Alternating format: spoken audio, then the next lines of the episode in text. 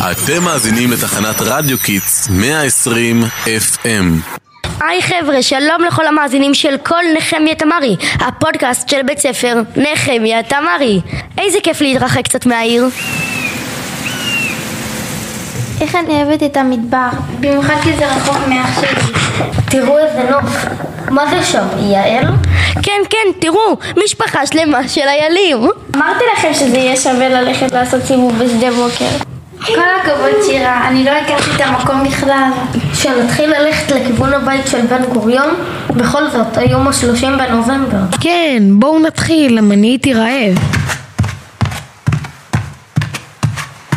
בינתיים אני יכול לספר לכם מה כתוב בוויקיפדיה על בן גוריון ו... אה, הרגל שלי, הרגל שלי, זה כואב ממש. אמרתי לך לשחק בטלפון באמצע של מדבר. בסדר, מה זה עוזר לי עכשיו? טוב, אני בסדר, אני בסדר, בואו נמשיך ללכת. חבר'ה, בואו ננסה לספוג את האוויר הצח, לא כל הזמן להיות בפלאפונים. כן, נראה לי כשבן גוריון דיבר על להפריך את השממה, הוא לא התכוון שנעשה כאן סרטון לטיקטוק. אה, בדיוק הגענו לבית שלו. יאללה, אבל עכשיו תוציאו את בקבוקי המים ותשתו, שלא נתייבש. הנה חבר'ה, הציר של בן גוריון, הראש הממשלה הראשון של ישראל. כתוב כאן שהוא הגיע לכאן כבר ב-1953, שעדיין היה ראש ממשלה, איזו החלטה אמיצה. נכון, בכלל נראה לי שהוא היה אדם מאוד אמיץ. כבר בגיל 20 הוא עוזב את פולין ומגיע לבד לארץ ישראל. הוא מגיע לבדו, בלי משפחה, למה הוא עשה דבר כזה? הוא גדל במשפחה ציונית וחלם לעלות לארץ ישראל כדי לקדם את הרעיון הציוני. אחרי שהוא עולה לארץ הוא עובר ממקום למקום ומה שמוביל אותו זה רק הרצון להקים מדינה יהודית בארץ ישראל. בואו ניכנס לתוך הצריף ונראה קצת איך הוא ואשתו פולה חיו. הבית של בן גוריון, ראש הממשלה הראשון של מדינת ישראל. בוא נשמע אותו מכריז על הקמת המדינה, איתי תלחץ על הכפתור. אנו מכריזים בזאת על הקמת מדינה יהודית בארץ ישראל. תראו איזה בית פשוט, ממש לא ציפיתי מבית של ראש הממשלה. בימים ההם, אחרי קום המדינה, מה שהעסיק את המדינאים הייתה הישרדות המדינה היהודית והוא לא לקח את התפקיד ממקום של להשיג עוד בהדר אלא ממקום של שליחות. המצב הכלכלי לא היה פשוט בימים, ובימים הראשונים של המדינה העניק בן גוריון מדיניות של צנע, צמצום בהוצאות וקיצור של קניית מצרכים.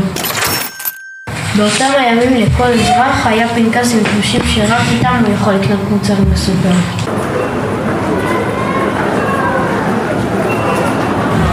הוא התווה את הדרך של המדינה בשנים הראשונות שלה, וכל זה בלי שהיה לו נהג פרטי, טבח או מחשב עם אינטרנט. ממש לא, תראו את המטבח של אבי של פולה ואת התמונות שלהם למשקיעים.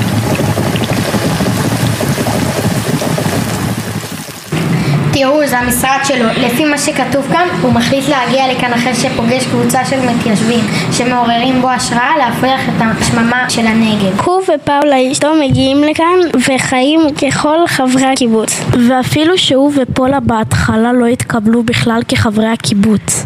מה שמוביל אותו זה להיות חבר אמיתי בקהילה של הקיבוץ והוא עבד בחקלאות וברפת. את כל זה הוא עשה כדי להוות השראה לדורות הבאים שיגיעו להתיישב על אדמת הנגב ולפתח אותה למען הדורות הבאים. הוא מעולם לא ביקש יחס מיוחד או מועדף מאף אחד ולקח את תפקידו כמנהיג ברצינות. כאן רשום שהרבה מנהיגים הגיעו אליו והתיישבו במשרות שלו בהתייעצויות שונות ועל עתיד המדינה. אחרי כמה שנים כאן בנגב לוחצים עליו מהמפלגה שלו, מפלגת פועלי ארץ ישראל, לחזור למפלגה ולהיות שר הביטחון. לוחצים עליו לחזור לממשלה? אמא שלי אפילו לא סומכת עליה להגיע הביתה לבד. טוב, אולי אם היית פופולרית כמו בן גוריון? סליחה, יש לי 20 אלף עוקבים בטיקטוק. זה לא נראה לי בדיוק אותו דבר. אז הוא חזר להיות שר ביטחון ואז ראש ממשלה, אבל רצונו האמיתי לשוב לחיות בצריף שלו, בשדה בוקר ולחיות את החיים הפשוטים. הוא כיהן כראש ממשלה מעל ל-13 שנה במהלכן, הנהיג את ישראל בשתי מלחמות, יזם את הקמת הכור הגרעיני בדימונה.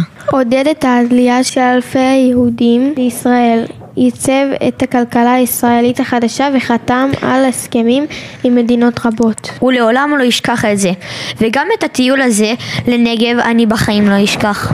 אולי נבוא לכאן כל שנה. נשמע טוב, תודה רבה שהייתם איתנו בצריף של בן גוריון. אל תשכחו לעקוב אחרינו ברשתות חברתיות.